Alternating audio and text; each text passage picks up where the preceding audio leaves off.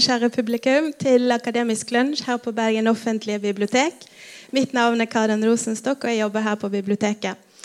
Eh, jeg har gledet meg veldig til eh, denne lunsjen, eh, for den skal handle om Naturhistorisk museum, som åpnet igjen i høst etter å ha vært stengt i mange år. Det som føles i mange år, som faktisk var mange år.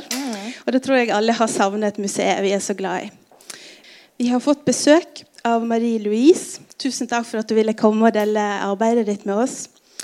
Marie Louise Lorentzen er malerikonservator og driftsleder for bygg og sikkerhet ved Universitetsmuseet i Bergen. Ønsker henne varmt velkommen.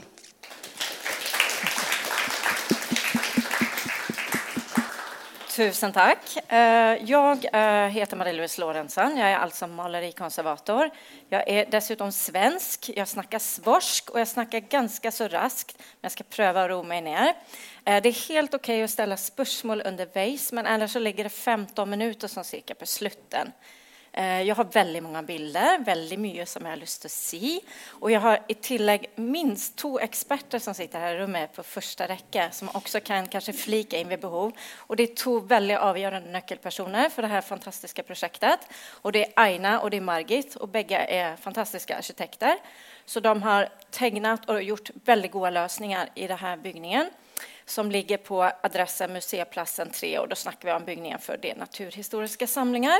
Och så har jag en väldigt ny kollega som sitter på sista räcka här och han kan ju också få flika in och det är Sölve och han är nytillsatt eh, designer, han är möbeldesigner men han ska hjälpa oss med att designa nya utställningar och drifta museet för det är väldigt mycket ny teknik här. Eh, jag är som sagt malerikonservator, så i vanliga fall så vill jag då restaurera malerier eller kanske bemalta genstander, för exempel egyptiska mumiekistor, lite sån utanför min normala zoner, men det är något som jag har fått gjort vid Universitetsmuseet i Bergen och där har jag jobbat i 20 år. Före det så kom jag bland annat från Kulturförvaltningen och en del andra museer i Stockholm. Eh, jag ska alltså då förtälla lite om den här renoveringen, rehabiliteringen av byggningen och lite om dess samlingar. Och vägen genom projektet som alltså har varit i lite dröjt tio år. Jag har varit med i projektet sedan april 2009, men de som begynte eh, med projektet de höll på och planlade redan i 2008 och det var egendomsavdelningen vid universitetet i Bergen. Och jag eh, hade då den stora ynnesten att få bli eh, medlem av eh, förprojektet.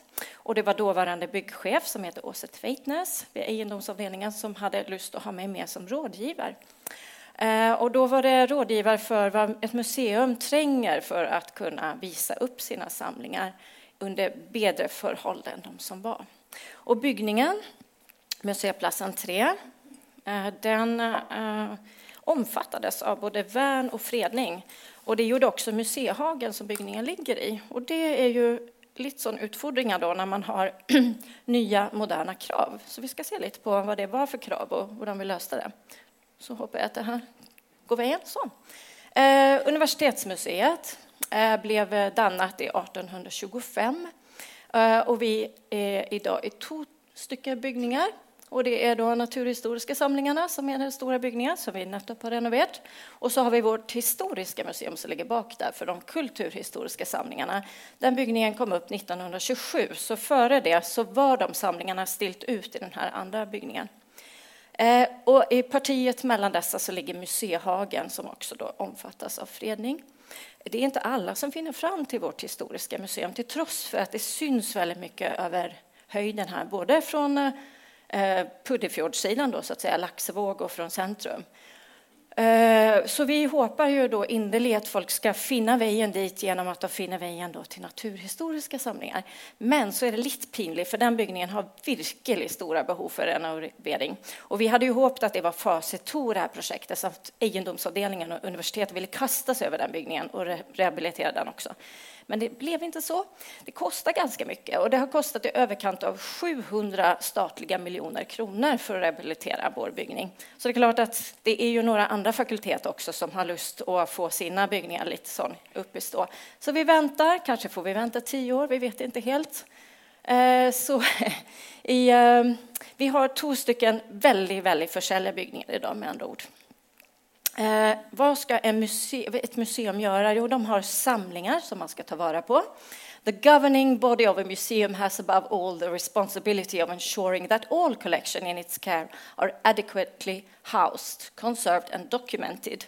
Och det här eh, skriver man är ett internationellt regelverk som gäller för alla museer i hela världen. Och ICOM står för International Committee of Museums. Och vi är medlemmar av den här organisationen som är en stor paraplyorganisation.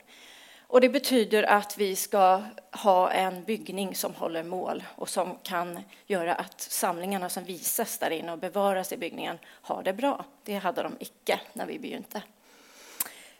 Museet har en lång historia med lite som byggningar av diverse ymse kvalitet. Det här är den första byggningen som man lejer.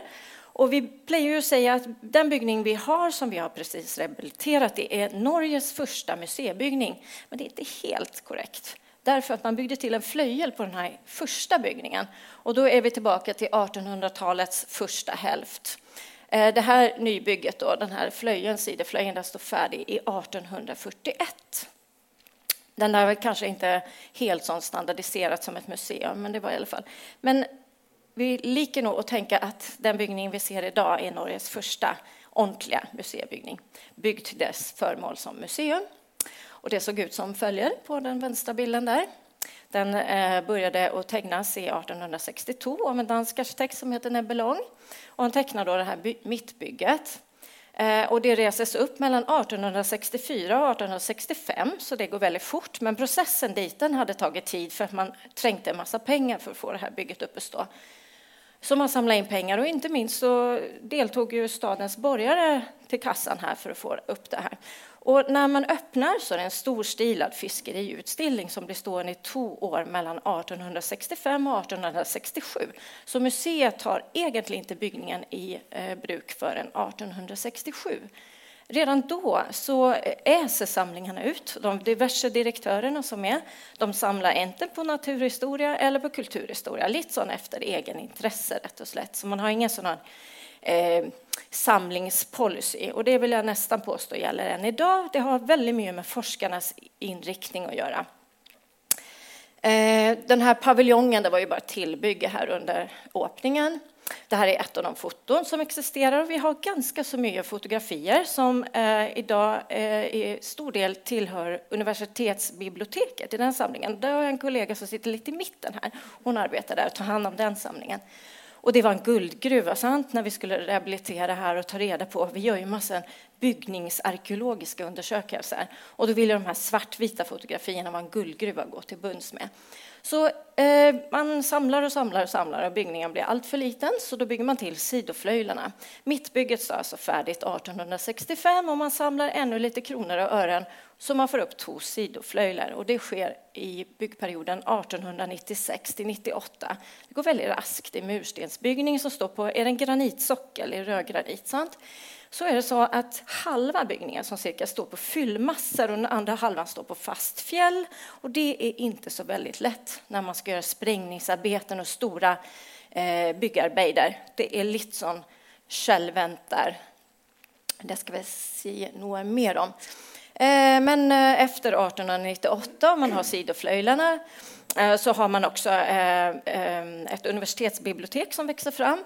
Därför att universitetsmuseet är ju vuggen till universitetet i Bergen som blev stiftat 1800, förlåt, 1946, nästan 100 år senare. Ehm, och under en period så är också universitetsbiblioteket inhuserat i den här byggningen och de flyttade ut till sin byggning i 1961. Så den här byggnaden har omfattat väldigt mycket aktivitet.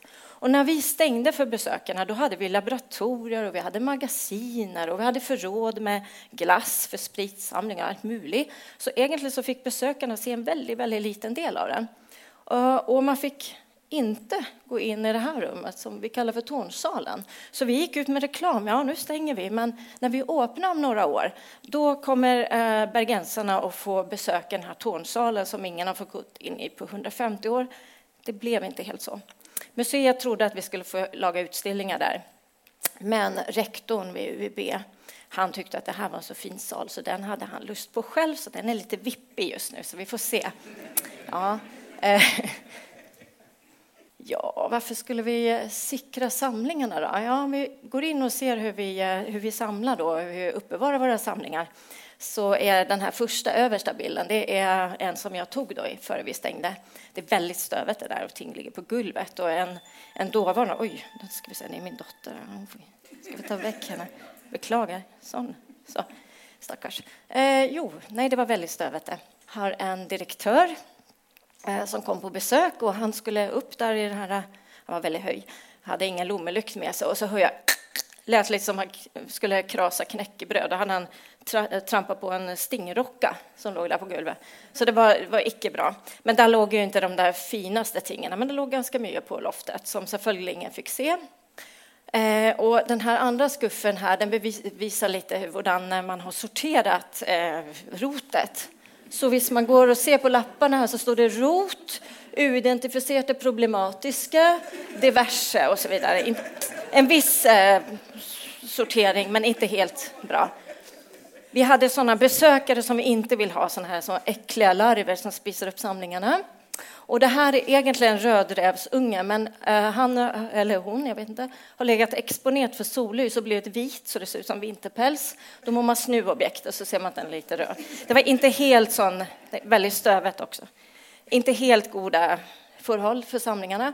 Och det uppdagar Riksrevisionen, kom på besök i 2002 och runt, inte bara hos oss men också hos de andra universitetsmuseerna som finns i Norge och skriver en ganska så krass eh, rapport eh, så i 2003 eh, där de eh, beskriver våra uppbevaringsförhåll som helt förfärliga. Det är kritikvärdiga förhåll, både med hänsyn till sikring och nedbrytande faktorer och katastrofplaner. Och med katastrofplaner så menar man beredskap i tillfälle det börjar brinna, för exempel. Hur gör man för att få ut gänstarna och sikra dem? Nu har jag en väldigt rar bild där, så den ska ni få, få tugga lite på och lura på vad Fabian har de gjort där. Eh, med den här eh, rapporten i handen så blev universitetsdirektören nött att ta tag i sakerna och sätter ner en kommitté där bland annat jag och en del andra eh, medlemmar av vår kår Eh, får i uppdrag att se över samlingarna, beskriva hur de är uppbevart, hur de borde ha det, hur nära man ska ha till samlingarna. Och det må forskarna definiera. Kan jag tänka mig att gå en promenad till jobb? Eh, ska jag köra till magasinet med bil? Eller må jag sitta i samma byggning som mitt forskningsmaterial. Det hela blir en eh, rapport. Det kallas för en magasinskommitté och man lägger fram då för sina förslag. Och där ingår det då att man ska sikra samlingarna. Och vad menar vi då med sikring?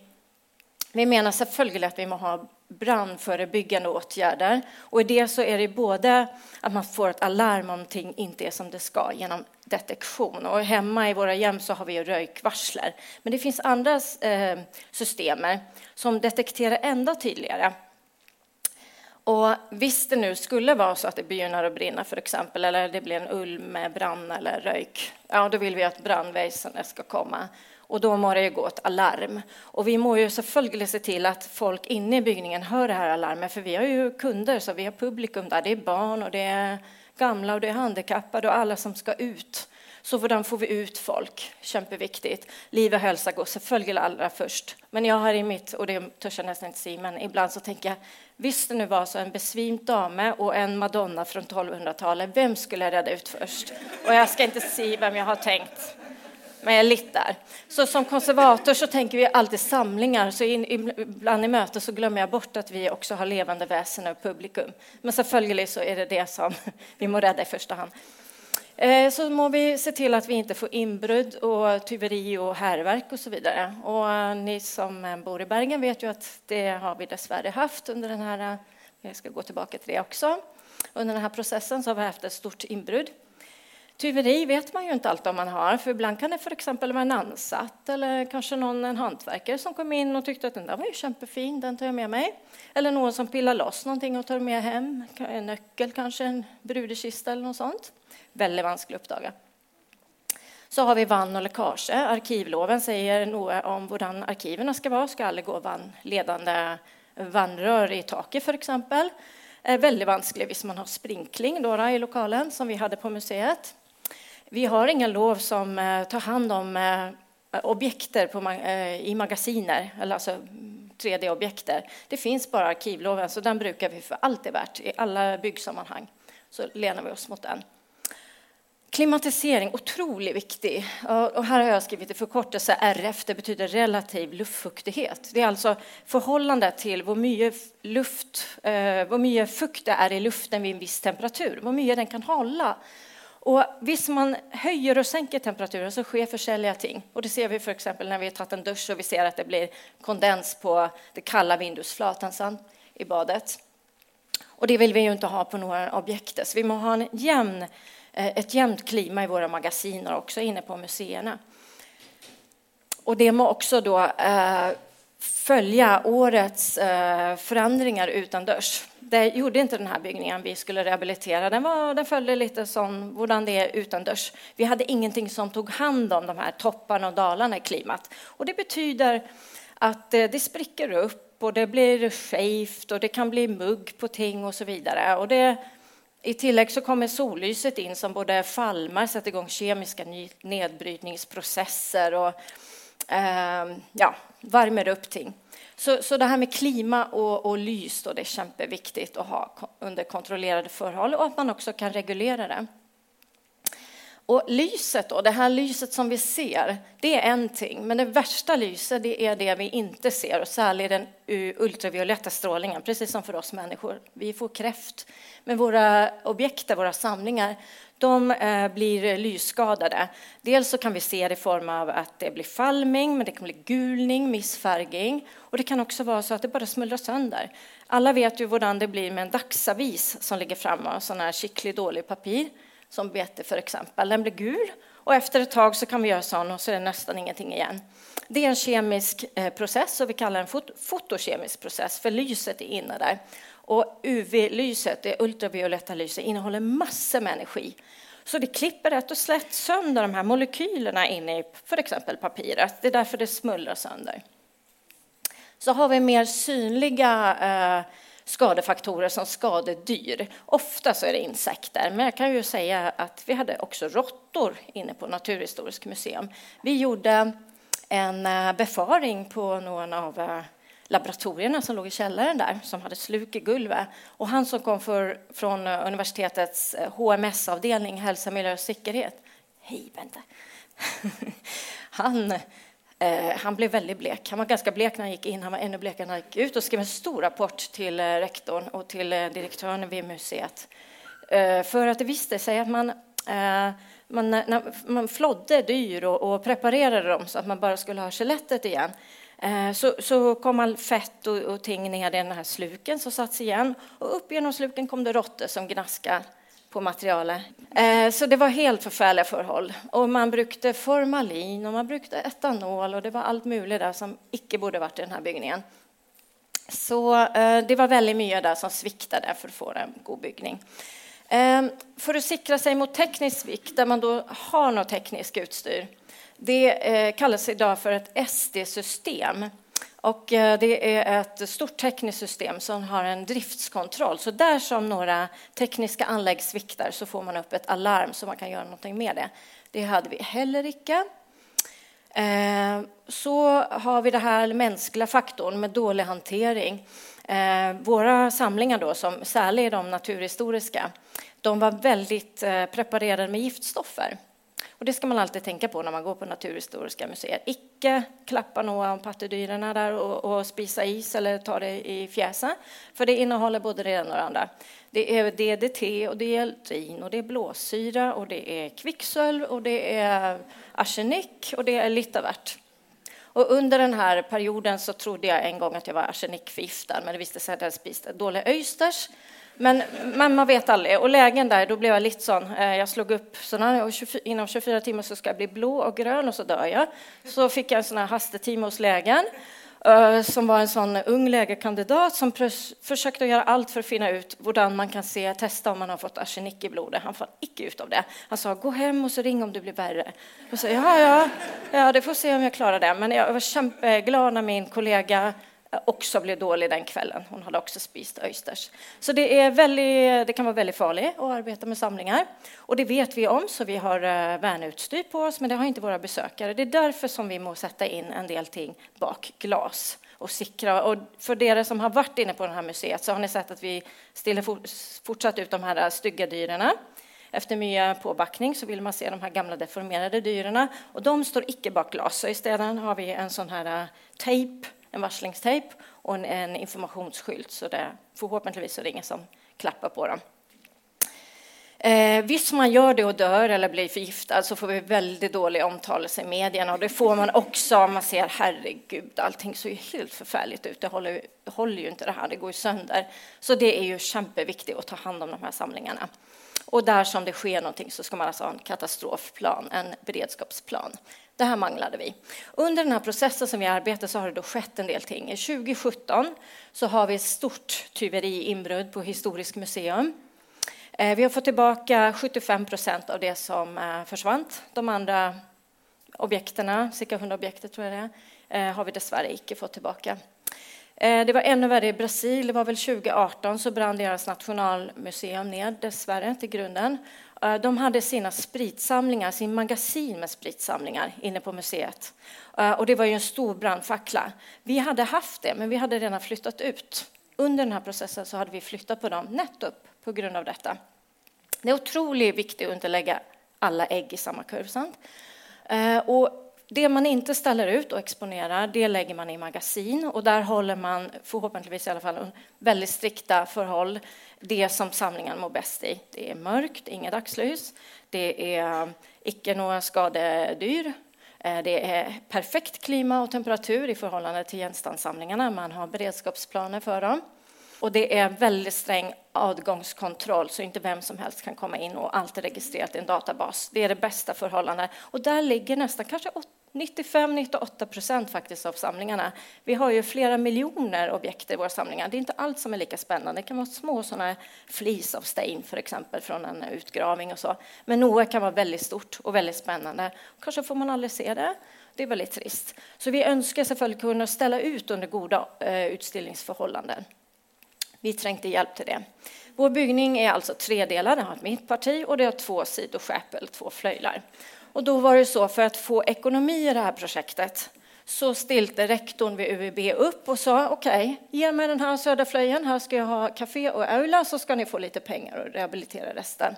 Och så kommer ju följer staten in med det mesta och då är det Stadsbygg då som är byggherre. Så man sätter igång och rehabiliterar den här södra flöjen som då ska bli eh, en ny modern aula. Och det är klart att vi önskade ju inte ha en uppdelad eh, byggning utan vi önskade att man när man slog upp dörrarna för besökaren skulle känna igen sig och känna att det här är en byggning. Så det var väldigt viktigt att få dokumenterat resten för att se vilka material och färger kan vi ta med oss in i det projektet. Och vi visste heller inte när vi skulle få pengar till det. Så vad gör vi då? då? Vi, eh, ska vi, säga, vi gör en plan. Och, eh, I Söndra Flöj så var planen då att man skulle riva eh, originalinteriör. Och med det menar jag då byggkille och eh, ja, dekor, interiör. Och bygga om till en aula och café för universitetet i Bergen som trängtes. Men mittbygget från 1865 det skulle fredas och till och med tillbakaföras och då blev Riksantikvarien eh, kämpeglada och sa okej, okay, visst det gör det, då är det lättare att få till att få riva där, för vi känner att ni tränger den här uppdateringen. Och i Nordflöjen då, då, där skulle vi också kunna göra lite mer. Vi skulle kunna restaurera, renovera och få in ny teknik till våra utställningssamlingar. Så det var planen. Och då stänger vi för besöken. Då är vi i 1 november 2013 och man har redan eh, rehabiliterat fasaden och vinduerna. Det är lite rart att börja bakifrån, men det var i 2009. Vi har också byggt nya magasin och flyttat ut forskningssamlingarna och laboratorierna och folken hos oss i eh, 2009-2010. Så det, där är vi när vi begynner projektet. Och vad har vi då? Ja, vi har ju ett rum som heter Valsalen. Det har sett närmast likt ut under de här 150 åren från eh, det att man öppnar till det att vi stänger för besökaren. Och det är något som Riksantikvarien älskar och säger att det här rummet det ska vi känna igen när vi kommer tillbaka. Vi ska till och med återföra det så att vi ska återskapa rummet liksom det såg ut 1865, 1867. Och där hänger valskeletten i taket. De är monterade på plats under slutet på 1800-talet, de flesta av dem. Det var cirka 22 eller 24 stycken och de kan väga upp mot ett par ton. Så jag har alltid tänkt mig att det hänger 20 turistbussar i taket där sedan 1800-talet. Och det är inte bara bara när du ska in och börja riva takskilor. I tillägg så skulle man etablera en hejs då, så att vi skulle få in objekten som vi hade fått ut. Och för att den skulle vara lik i alla, alltså så hög som möjligt och lik i alla etager så var vi nött att få eh, gulvet sänkt i källaren. Och som jag sa, halva byggningen står alltså på fast stein där vi river, där vi ska in med hejsen och halva står på fyllningsmassa och då är den lite beveglig och så har vi de där hängande takgeletterna. Okay? De loggar vi så att inte någonting kan detta ner i hodet på någon.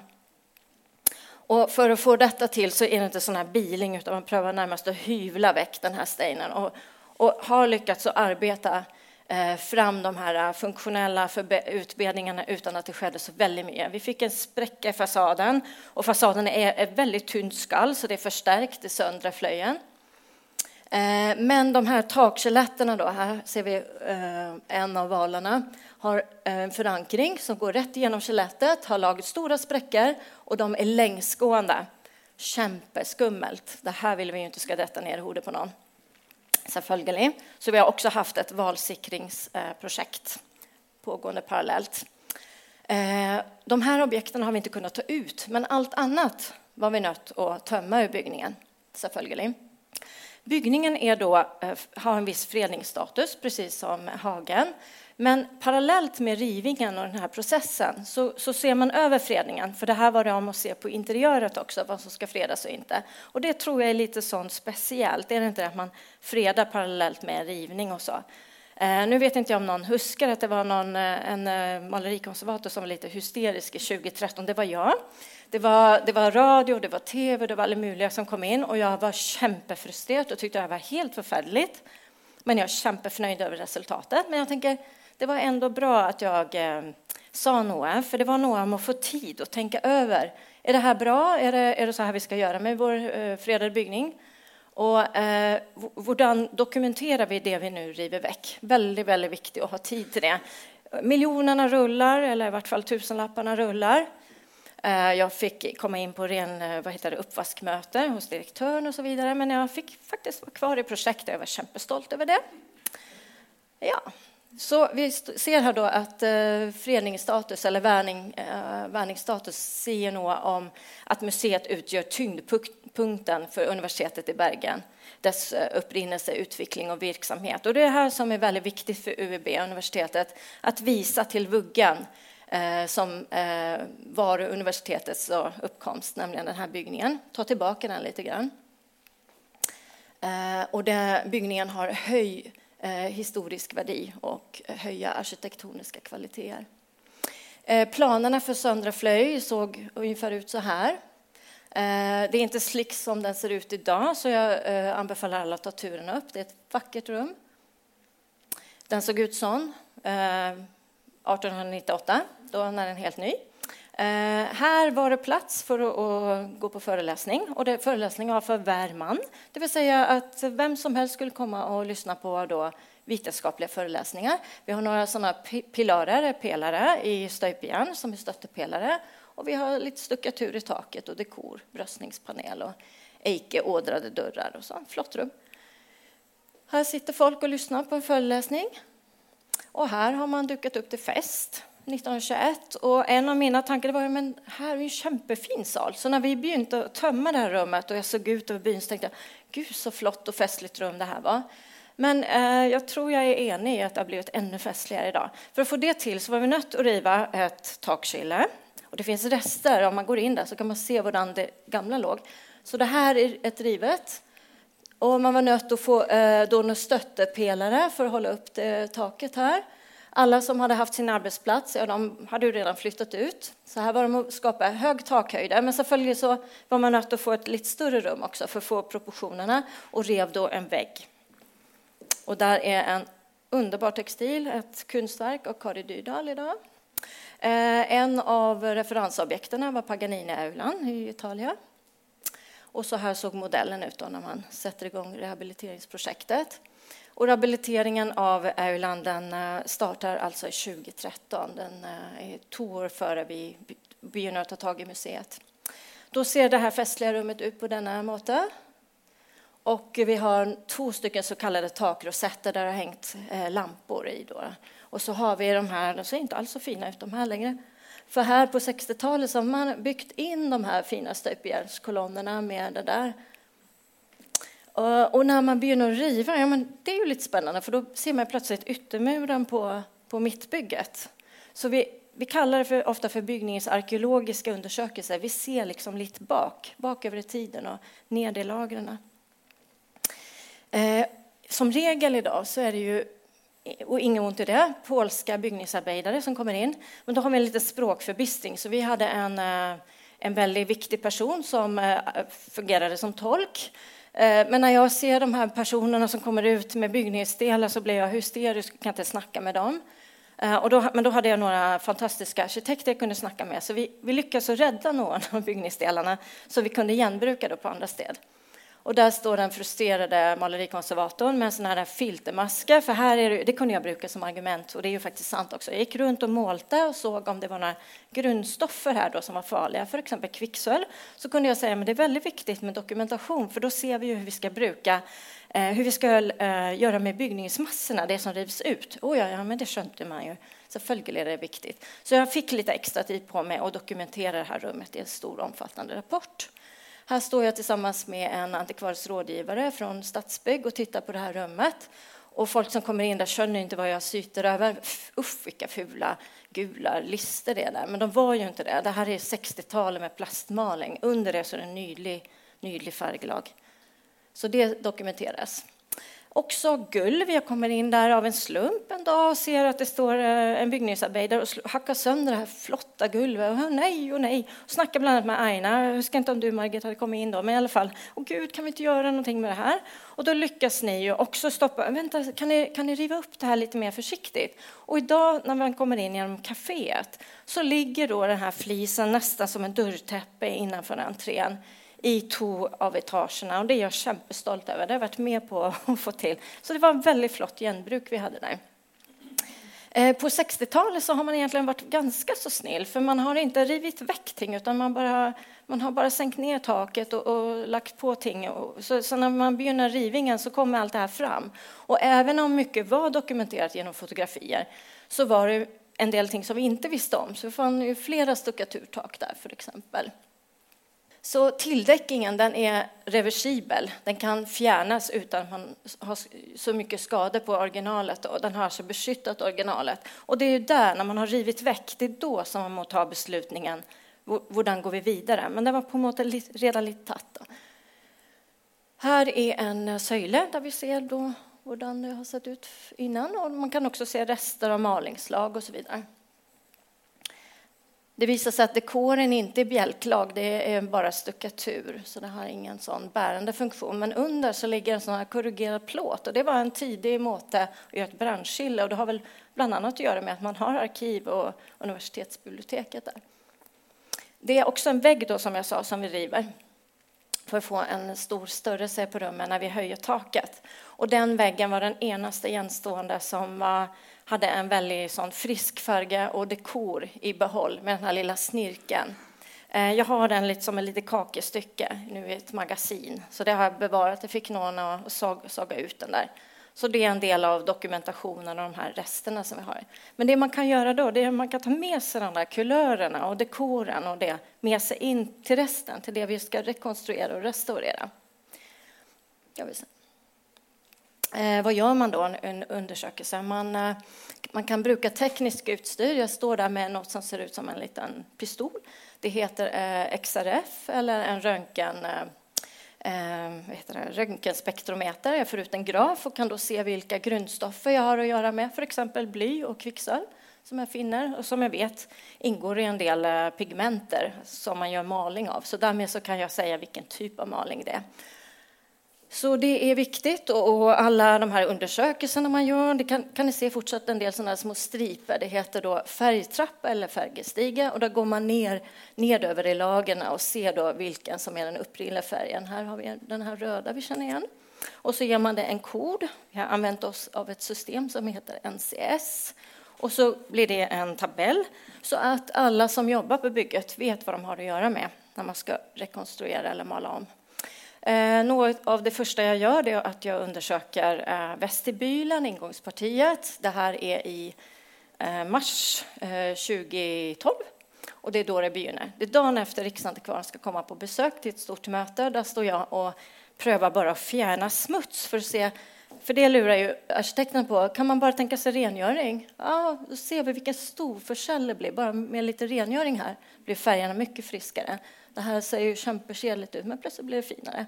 Och likadant det här, det här är en gulnad, mörknad ferniss, det här blanka överlaget laget över. Och det ser sån ut under. Också lite bilder. Här, här ser vi det här golvet, hur det ser ut när man går in på kafédelen, då, hur vi har fallit ner de där flisen. Eh, då har man lite sån försäljare måte att behandla byggnaden på.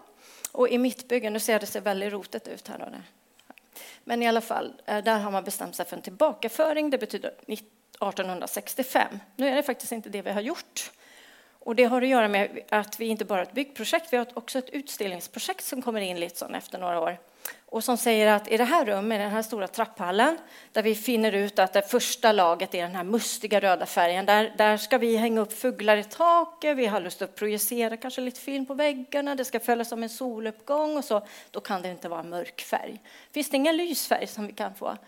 Och då var det så bara ett häll, då kan vi se, att lag nummer två efter den här röda, det var faktiskt en lys eh, beige-rosa färg. Och det är den vi ser idag. Och den kan man projicera mot. Så där har vi gjort en sån avvägning. Och eh, med facit i handen då, så ser vi att till den här rosa väggen så tillhörde en grön marmorering. Det var egentligen lite mer grå. Och den binder ihop vestibylen. Så att nu när man går i trappelöpet, man kommer in i museet och går upp över, så går man faktiskt bak över tiden och allting har blivit ihopsytt på en god måte. Och det har gjort ett stort, stort flott samarbete med antikvariska rådgivare, arkitekter, eh, malarmästare och så vidare, konservator och försäljarfag som har arbetat fram den här planen. Det första rummet man kommer in i det är vestibylen, det är ingångspartiet. Och den hade, där hade nästan inte skett något som helst. Den första bilden den är från 1895, 98, förlåt, 1898. Då ser vi att då har man stilt ut såna sådana här stavkyrkoportaler. Jag kommer in där och jag ser in utställningsrummet där. Och där är någon sort, det är en sorts trappevagn och jag har en trätrapp där. Sån. Så beväger jag mig här, då är jag i 1925. Det är inte så lätt att se för nu står det plötsligt en stor bymodell där. Men stavkyrkoportalerna är där. Men där var det inte sort längre. Nej, Nej den har man fjärnat för det är en ny trapp där. Eh, ja, eller så ser det väldigt likt ut på väggen och så vidare. Där är en text, den var inte där. Nej. Okay. Och där står det inte glöm att se på vår samling med runstenar i, i, i um, hagen. Den där den fann jag när jag skrapade. Här är vi i 2013 när vi begynner. När jag skrapar lite på den malingen så ligger en till marmoreringslag. Det ska se ut som sten. Och där är texten. Och då kan jag datera den lite efter den här bilden. Den var ju från 1925. Så jag vet att 1925, då var det en text där. Så det här malingslaget är vart fram från 1925. De här streken här som ska se ut som stenblock, de låg nästan exakt identiskt här på bägge bilderna. Ehm, så det betyder ju att man har reproducerat, man har friskat upp eller gjort ett nytt malingslag. Det ska se ut som marmorerat, överdekorerat. Vi är ju ändå ingångspartiet, ehm, men vi har inte lust att se texter längre. Så det betyder att det har varit en marmorering. Här ser vi en byst. Det här är överläge Danielsen som satt med i styret och faktiskt är en av dem som har sett till att den här byggningen blev uppförd 1865. Så han är väldigt viktig för vårt museum. Eh, och för byggningen. Eh, och han står på en sockel som är av eh, sort marmor med lite gult i, gula striper. Och den matchar perfekt den här buen som är i stuck eller i mm, puss. Och den är marmorerad så den ska se ut som stenen. Och det är också några mäglare som står, de här, där ett räckverk i förbundet. Det har också den här äh, sorta marmoreringen, men det är också bara en imitation av sten. Det betyder förmodligen att det här rummet har blivit marmorerat, eh, dekorerat för att matcha den där. Och vi vet att den kommer in 1867 eller 8. Eh, äh, det är under stor pompa och ståt och han är fortsatt i livet. Så vi vet ju att överlägga Danielsen, han, han får den där, i, eh, jag tror att han fyller 60 eller 70 år, nu huskar inte jag. Och museet hade haft en 60-årsfejring, jag tror det var året för.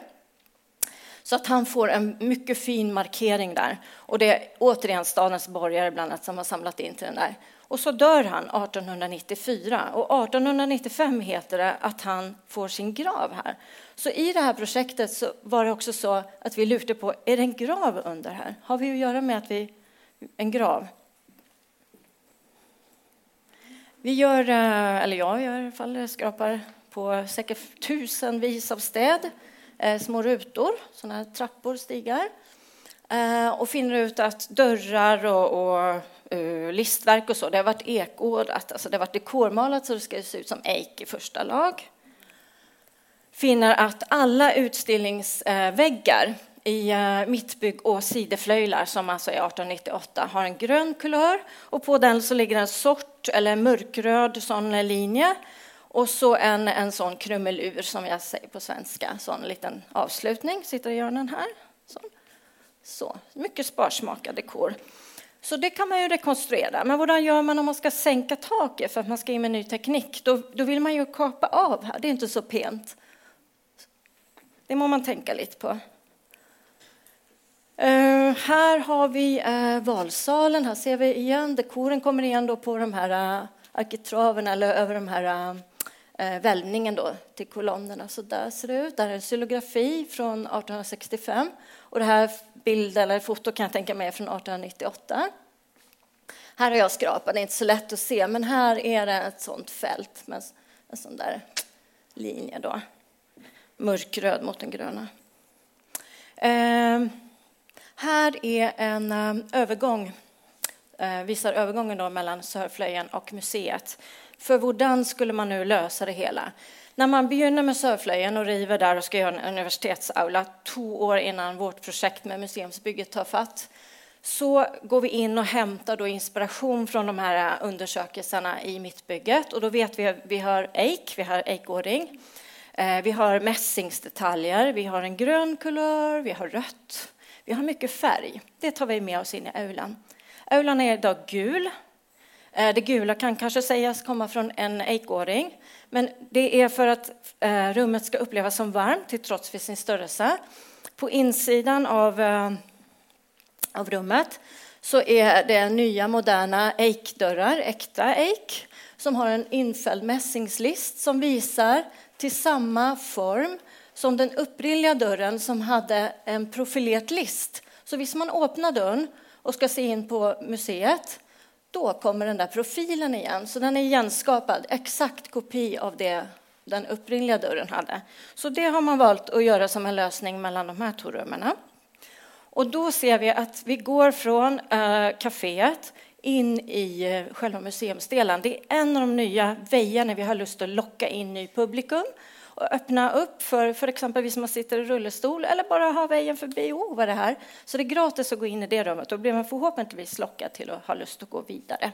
Så det här är en av tilltagen för att locka till oss det nya eh, publikum som vi kallar för det nykärre människet. För det är nu vi ska vända oss till det nykärre människet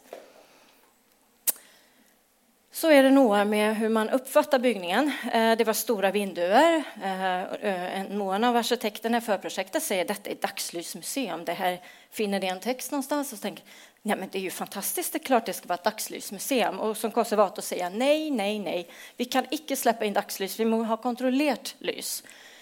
Så det har blivit en sorts mellanting. Man assimilerar dagslys Eh, någon av rummen med de här utställningsobjekten som inte tål dagslys, de har fått mörkläggning. Men det är lite perforerat så man kan fortsatt se ut i den vackra hagen eller få en vy över byn. Vi har idag kontrollerat lys. Vi vet vilka lysnivåer vi har och vi kan öka och sänka dem.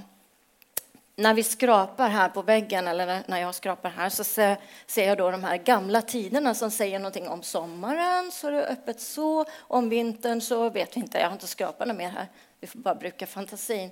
Men det är dagslyset som avgör hur länge man kan ha öppet om sommaren respektive vintern. Och det är klart att på vintern kan man inte ha lika öppet lika länge, för nu har vi ingen belysning under den här tiden. Så kommer då gas, gaslyset in och så, så småningom det elektriska lyset. Eh, så vi har inte genskapat ett dagslysmuseum, men vi har några rum med dagslys och vi har några rum med artificiellt lys. Och den här lilla rödrävsungen den kommer aldrig mer bli röd igen. Men alla nya rödrävar som kommer in de ska få behålla sin färger. Eh, vi har några problem undervägs, Det är alltid några utfordringar. Eh, bland annat så har vi flassande maling här. Vi vet inte helt varför. Så när när eh, byggeprojektet ska överlevera byggningen och vi ska in och laga nya utställningar och det är väldigt pressat med tid så börjar det flassa i den här stora trappahallen med 16 meter fallhöjder och där man har byggt ett stort stilla som kostade minst 300 000 kronor. Eh, så plötsligt så ser man, herregud, vi må, vi, vad gör vi nu? Vi har sparat alla de här färglagren, för Marie-Louise sa att det var väldigt viktigt att ha en historisk dokumentation. Vi har malt över med den här nya malingen vi ska ha, men allt historiskt ligger där. Men nu flassar det, vad gör vi då? Ja, vi sparar en liten stripa och så må man bara fjärna resten och mala om igen. Det gör vi under ferierna, folk är på ferie. Vi sänder alla på ferie samtidigt. Och där som någon går in med stora bäck, där får de ta en annan trappa. Och så lyckas man lösa det här. Så i sista eliten så eh, är man nött att eh, krafsa väck all maling och göra om jobben och bara kryssa fingrar och tär för att det inte ska flassa igen. För vi vet inte helt varför. Vi vet bara att vi har haft problem. Det har alltid varit problem, sägs det. Eh, och nu hoppas vi att de har stoppat. Så nu ser det väldigt bra ut. Vi följer med på det här. Ni vet ju alla hur det, vad som skedde på Kode. De har haft en stor skandal här, för där rev man medan man hade samlingarna fortsatt i byggningen. Det kostade väldigt mycket tid och energi och inte minst pengar. Och det vill ju inte vi ha, så allting var hermetiskt tillpackat. Men det, detta är ju då huvudtrappan och vi skulle in med elefanthoder och både renar och andra och isbjörnar som stod och väntade. Och det är inte så lätt, så då var det bäst att göra det här under fällesferien. Ett annat problem som man har haft är att man har fått kondens på vinduerna, vindusglasset. Det har blivit ganska så hermetiskt, för nu har vi ju fått klimatisering invändigt. Men mellan det nya glaset och det gamla vindusglaset så har det då blivit kondensdannelse. Kanske har det att göra med att alla de här öppningsbara tidigare vinduerna de, blivit, de har blivit um, limt, kan vi säga, eller fästat då, så man kan inte öppna längre. Vi vill ju inte in skadeinsekter. Vi vill inte eh, ha behov för att öppna, utan nu har vi ju klimanlägg som ska sköta det hela. Så nu, eh, nu tuggas det om hur man ska få väck det, om man ska ha små hål eller små vift eller något men fortsatt så är det kondensproblem. Eh, det är då, I gamla dagar var det så ett, en, eh, ett hull som gick ut på fasaden så kunde eventuell kondensvann bara rinna ut. Eh, men det vill vi inte ha någonting av, för in genom hullet så kommer det skadeinsekter. Så vi har något som heter zebraklannare och de älskar fett. Så de spisar av fettet som utsöndras i de här takhängda valkeletterna. Det utsöndras fortsatt fett efter 150 år. Det är helt otroligt. Och, och de där äckliga insekterna, de, när de ska para sig så blir det till biller som flyger runt och letar efter honor och hanar. Och de söker sig efter lys. Eh, så då prövar de att finna ny, ny mat och så en, eh, en partner och formera sig med. Och de formerar sig väldigt mycket, så det blir massor med äckliga larver som spisar upp samlingarna. Så det kan vi inte ha något av. Så väldigt, väldigt viktigt att tätta där och så följa med på eh, och skadebegränsa de här insekterna. En annan utfordring som var lite speciell det var ju den här graven. Då, då. Så när vi ska demontera, och för, inte minst för att sikra den här flotta eh, söjlen och bysten av eh, Danielsen eh, så eh, lyfter vi av basen och ser en liten sån papplapp som säger något om att han är kremerad och han har blivit lagt ner där i, jag tror att det är oktober 1895 och då tror vi under stor pompa och ståt. Vi har gjort en liten ceremoni att nu ska vi flytta då hans urna aska under den här tiden. Jag har gjort en avtal med Solstrand begravelsesbyrå Eh, som ska hämta dem. Vi sitter där och vi har rosor, det är fin ceremoni och min direktör tycker att jag är lite väl överdriven säkert. Och det, jag har en fantastisk eh, kollega som är professor emeritus, Karin eh, Helle, som, som sitter på plats och följer sig som att hon har skrivit väldigt mycket om honom så att att hon är liksom hans närmaste, för han har inga arvingar. Vi har varit i kontakt med vår eh, eh fantastiska medarbetare som sitter med i ett Skelettutvalg och så vidare, så nu ska vi göra på bästa måte. Och då tror jag att urnan ligger i den här basen, för det är där lappen står att här ligger han.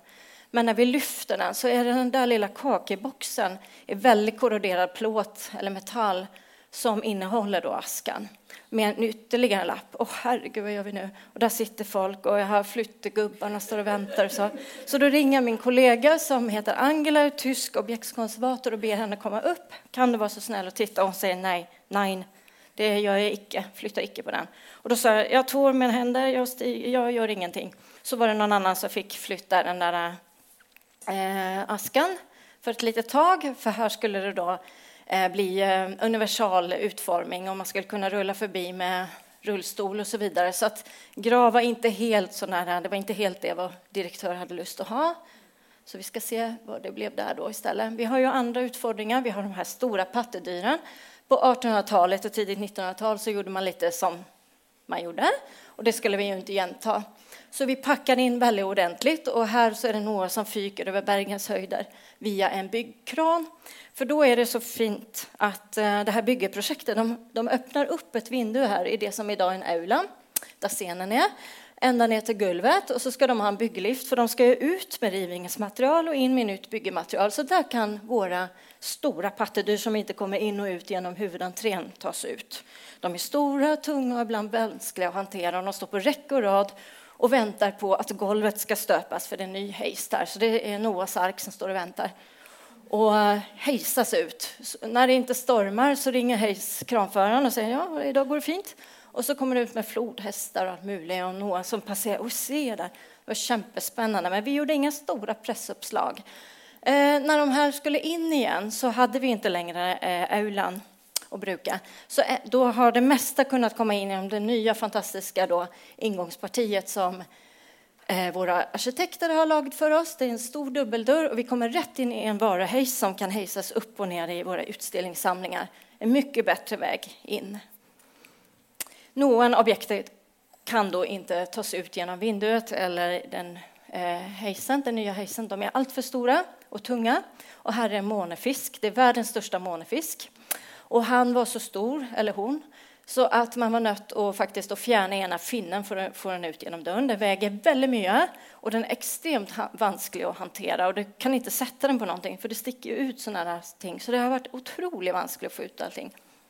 Men vi lyckades med det. Ja, nu är vi tillbaka till Handa, den här gasellen. Varför har han en sån här papprulle på hodet? Det är för att han ska frysas. Eh, vi har frysecontainer som är klimatiserat och vi gör det för att vi ska få väck alla äckliga skadeinsekter, både ägg och larver och billar. Eh, men eh, allt går inte in i vår frysecontainer så vi är nött att bruka diplomis. Så där, där all iskräm är, där har vi haft våra samlingar. Men de var inplastade så att ingen ska bli förgiftad. Och i tillfälle någonting skulle gå sönder, tänder eller hornben, så ville vi samla upp allt det här i det här munbindet eller den här rullen och kunna sätta det på plats igen. Nu ser jag att jag kanske må ta, lägga på ett kol här. Eh, under väntan på att komma tillbaka till museet, eller kanske fortsatt, så blir man lagt in i ett nytt flott magasin. Eller så kommer man tillbaka och då är man i en monter som eh, är klimatiserat och här är det två hodeskallar, de är 8000 år gamla. Så den här montern är en väldigt high-tech. Den är både som ett kylskåp eh, med en viss klimatisering, alltså en viss typ av relativ luftfuktighet och en viss temperatur, lite svalt, så de ska hålla minst 8000 år till. Och eh, det som hänger i taket här, det har blivit säkrat så att det icke ska detta ner i hodet på någon, hoppas jag. Eh, vi har massa integrerade tekniska lösningar och föringsvägar som man inte behöver se som besökare. Och vi har massa sådana hjälpmedel för att vi ska undgå eh, händelser som eh, objektsalarm, monteralarm i tillägg till våra fantastiska Securitas-vakt. Och vi har alla sådana här klimadippedutter, alla målare. Det går till det här eh, tekniska systemet så vi får alarm om någonting inte är som det ska. Vi har eh, hållit på att utarbeta sådana här eh, katastrofplaner och vi har beredskapsutstyr för att hjälpa till och vi har selvfølgelig håndsluckapparater i tillägg till att vi fortsatt är sprinklade och då ska jag också köpa in pressändningar tillfälle det skulle bli läckage. Eh, allting är väldigt digitaliserat och vi har en stor driftsteknisk avdelning som håller kontroll på de här tekniska anläggningarna för oss. Och inne på museet så är det någonting som man ser selvfølgelig, römmingsskyltar med lys, det är bara sånt man må ha. Lysskinner som ändå gör att de här stygga tingen fästes här och övervakningskamera så, inte de här vackra originalväggarna. Någon av eh, inredningen som var har vi kunnat benytta till brandslangeskap så att den blev mer integrerat. Eh, vi har haft väldigt flinka hantverkare som gjort kämpeflotta lösningar. Så i en vacker vägg där man var nött att ha en handikappshejs har man gjort en sån fin lösning. Och det är massor integrerad styggelse innanför dessa väggar. Här är det en sån fin spalt där luften kommer ut. Och inne i de här tekniska påföringsväggarna som går en massa kabelrot som vi slipper se. Eh, Någonting som vi ser lite, det är ju sådana här lukade i gulvet då, i mässing Eh, där det finns massa kontakter och sånt. Det som Sölve tränger för att han ska laga nya utställningar. Vi har fått en jättefin universitetsaula och den har eh, fått några lysringar som för tanken lite på de där takrosetterna. Så har vi en kämpeflott textil och den har guld och mässingstrådar som matchar flottväggen. Den här väggen är kalkmaling så den följs nästan lite flöjesmyk. Och det har att göra med att den upprinnliga väggmalingen det var i eh, limfärge, och limfärge kan smitta av, kritta av lite. Vi ville ha något mer som vedlikahållsfritt inne i det här eh, höga, höga rummet. Och där kan vi också få väldigt modern look genom lyssättning och lyd. Och det visar sig att det är fantastisk akustik i det här rummet. De här söjlarna och de här väggen och ekparketten har gjort att rummet har en nydlig akustik så den är väldigt populär hos eh, bland annat filharmonikerna och det är väldigt många som har lust att komma dit. Och du kan stå nästan var som helst i rummet utan mikrofon och bli hört. Så det är ett väldigt, väldigt flott rum. Och det är stor pågång, det är många som har lust att leja den. Inne i ingångspartiet så har vi gjort väldigt lite. Vi har några sån elektroniska hjälpmedel i form av etageplaner. Vi har fått en, eh, en eh, integrerad hejs. Här har man varit nödt att kutta väck lite för att få in den här hejsen som gick upp till tornsalen. Men på andra sidan, för det är en väldigt strängt symmetrisk byggning, så har vi behållit lucken med radiatorer och det här vackra stöpejärnsgeländret. Självklart är det vi har fjärnat här, det ligger på lager. Eh, och här är det luftingshull, för där inne var det en toalett. Så nu åker vi alltså hejs genom den gamla toaletten. Så man hade redan gjort en del tilltag. Så det är en massa smarta lösningar. Eh, så rummet idag, det här är vår direktör Henrik von Aschen som är kämpeförnöjd, så ser rummet ut omtrent som det gjorde i 2013 fast mycket finare, mycket friskare i kulörerna. Vi har, istället för de här gamla gubbarna här så har vi fått upp dyr, väldigt läckra, göja bilder. Han har fått flytta på sig, Danielsen. Han står inte längre där, men hans grav är fortsatt där med minneplakett. Och det har lite att göra med att han är handikappsanpassad. Vi har fått nya entrédörrar för man må betala för att gå in. Och då kan man rulla fint förbi utan att, komma i kontakt med det som var tidigare, den här socken. Men han har fått en ny placering, Danielsen. Han står här. Han står i ingångspartiet mellan kaféet och museet, före löp i vart fall. Det ser mycket finare ut i verkligheten än man gör på den bilden. Lite malplacé, men han ser liksom in lite i museet. Så när man kommer från kaféet så följer man blicken till honom och så går man vidare. Och så ligger han då, eh, hans eh, remains, in under golvet fortsatt och har fått en sickring runt den här lilla plåtburken eller boxen, blickboxen. Och så ligger minneplaketten där i golvet. Så det var en sån lösning det blev på det. I det här trapp, trappelöpet så, eh, som såg ut så när vi begynte med vit och lysegul plastmaling så är det då den här um, limfärgen som också är flöjelsmyk och väldigt vacker.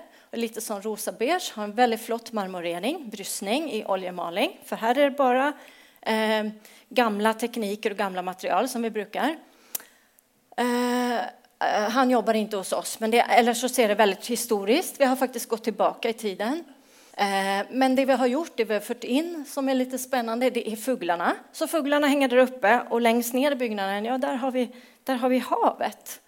Där visar vi vår eh, utställning om havet. Så det är väldigt sån genomtänkt bruk. Eh, vi har, slipper alltså in nya besökare, nya in, ingångsvägar från kaféet. Här är min dotter som ville vara med på bild. Och hon, hon är bara en vaxdocka hon sitter i pattedyrsutställningen så kan man tycka vad man vill om det. Men där sitter... och, eh, då är det nog med att ta med sig mat och dryck då, för det var också en del. Skulle man få dricka och äta här eller inte? Man kan ta med sig kaffe inemellan i utställningen, men bara i första rummet, inte sen. Och där är allting bakglas i, i uh, montrar. Sen får man kasta, får man inte ta med sig mat och dricka. Och det har ju med, med renhåll och med skadeinsekter och sånt att göra selvfølgelig. Vi prövar att ställa ut på en annan måte. Här har vi en av våra nya montrar eh, som går genom två etager. Så det här är eh, en av de här footprintsen, fotstegen som man har gjort i byggeprojektet. Man har tagit hull i det fredade gulvet och så eh, lagt in en sån här eh, paternosterhejs där vi ställer ut objekter och det omhandlar tid. Så här ligger det en man och sover. Och när elektrikern kom in där en dag så ser hon en man som ligger och sover och säger herregud, här kan du inte ligga. Men han är gjord i vax och väldigt, väldigt flott lagd så man måste stå och stirra länge. Man känner inte att det är en ducka. Väldigt göj koncept. Och objekten, eller dyrena, de står plötsligt och ser på oss och de pustar och de tar i glaset och de svämmar. Till trots för att de kanske inte har den där gamla mosan och den här gipsavstöpningen som ska se ut som gräs och berg. Men de beväger sig så flott så de ser mer levande ut än någonsin. Och vi har haft en fantastisk taxidermist som har gjort ett kämpejobb. Han är en av de främsta i världen och han kom till oss från Finland och jobbade med oss i tre år. Så vi har eh, friskat upp våra gamla objekter och vi köpt in en hel del nytt och vi visar fram ting på en annan måte. Så vi visar fram botanik och, och eh, arkeologi tillsammans och förtäller mycket eh, mer spännande historia tror jag än vad vi har gjort. Vi prövar att ta de stora historierna. Och här är en gammal eh, monter Eh, där strutsen står på en ny spännande måte och beväger sig tillsammans med sina kompisar. Och den här montern var kämpelång. Eh, den blev kapad på mitten och så gjord lite mindre för att kunna brukas igen. Så vi har gjort genbruk. Och nu är det fryst, så nu är det fredat, slick som montrarna står. Eh, som jag sa så eh, fåglarna de flyger där uppe.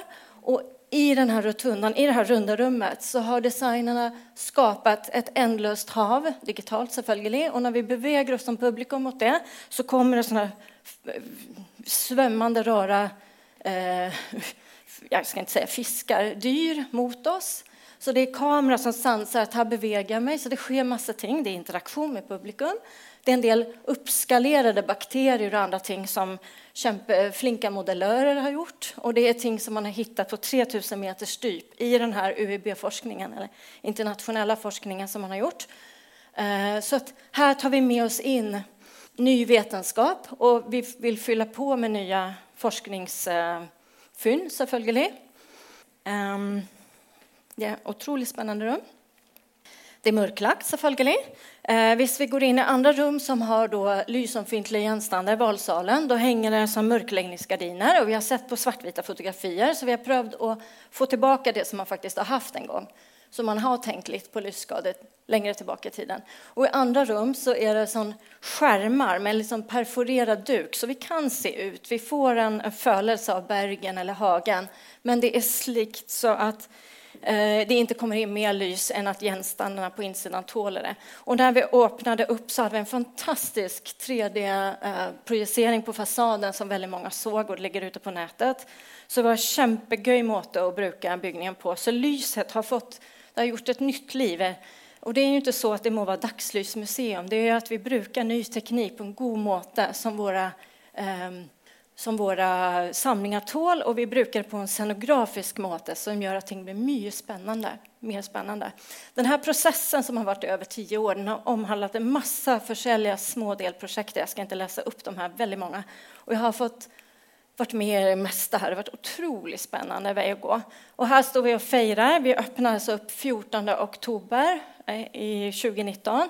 Och vi hade stängt dörrarna alltså 1 november 2013 för publikum. Det är en hel eh, en hel generation skolbarn som inte har fått besöka museet. Men nu har de kommit tillbaka Eh, och när vi eh, planlade projektet så var det en eh, önskan om att fördubbla antalet besökare per år som då var 30 000 till 60 000. De tre första månaderna hade vi 15 000 besökare i månaden. Det ringlade långa köer på utsidan. Jag tror ingen hade vågat hoppa att det skulle gå så bra. Jag har mött väldigt många som fortsatt inte har, de har inte giddat att stå i kön så de är kämpeintresserade av att komma in. Och jag inviterar er alla till att komma in, Sally om ni inte har varit där på besök tidigare. Och jag tror att man har lust att gå in där igen och igen, för det är kämpespännande. Man ser alltid nya ting. Jag har bara visat en liten del av den och jag hoppas att ni har blivit inspirerade att komma in och se på det. Är det någon som eh, har varit på besök kanske? Ja, flera stycken. Likte ni det? För ni likte det innan också, sant? Och det är ju något med, jag, jag kommer ju då från Sverige, jag har ju bara jobbat här ett tag, så att det är ju något om att ge tillbaka det här och att det ska vara minst lika bra som det var när vi stängde. Och jag tror verkligen vi har lyckats. Det är kämpebra. Jag hoppas det ska hålla i minst 150 år till. Men jag hoppas också att, eh, att man tar om hand om både byggningen och samlingarna och utställningarna bättre än vad man har gjort innan. Och till det så krävs det såklart både know-how och lite pengar och sådär. Men nu har vi fått eh, så bra pass gehör och Bergen har kanske fått ännu mer sån, eh, i vart fall inom museivärlden, en sån kraft. Så det hoppas jag att vi ska få fortsätta med. Och jag hoppas att vi kan också få lite pengar till Historiskt museum och göra någonting med den byggningen. Det kommer bli kämpebra. Mm. Tusen tack, Tusen tack. Marie-Louise.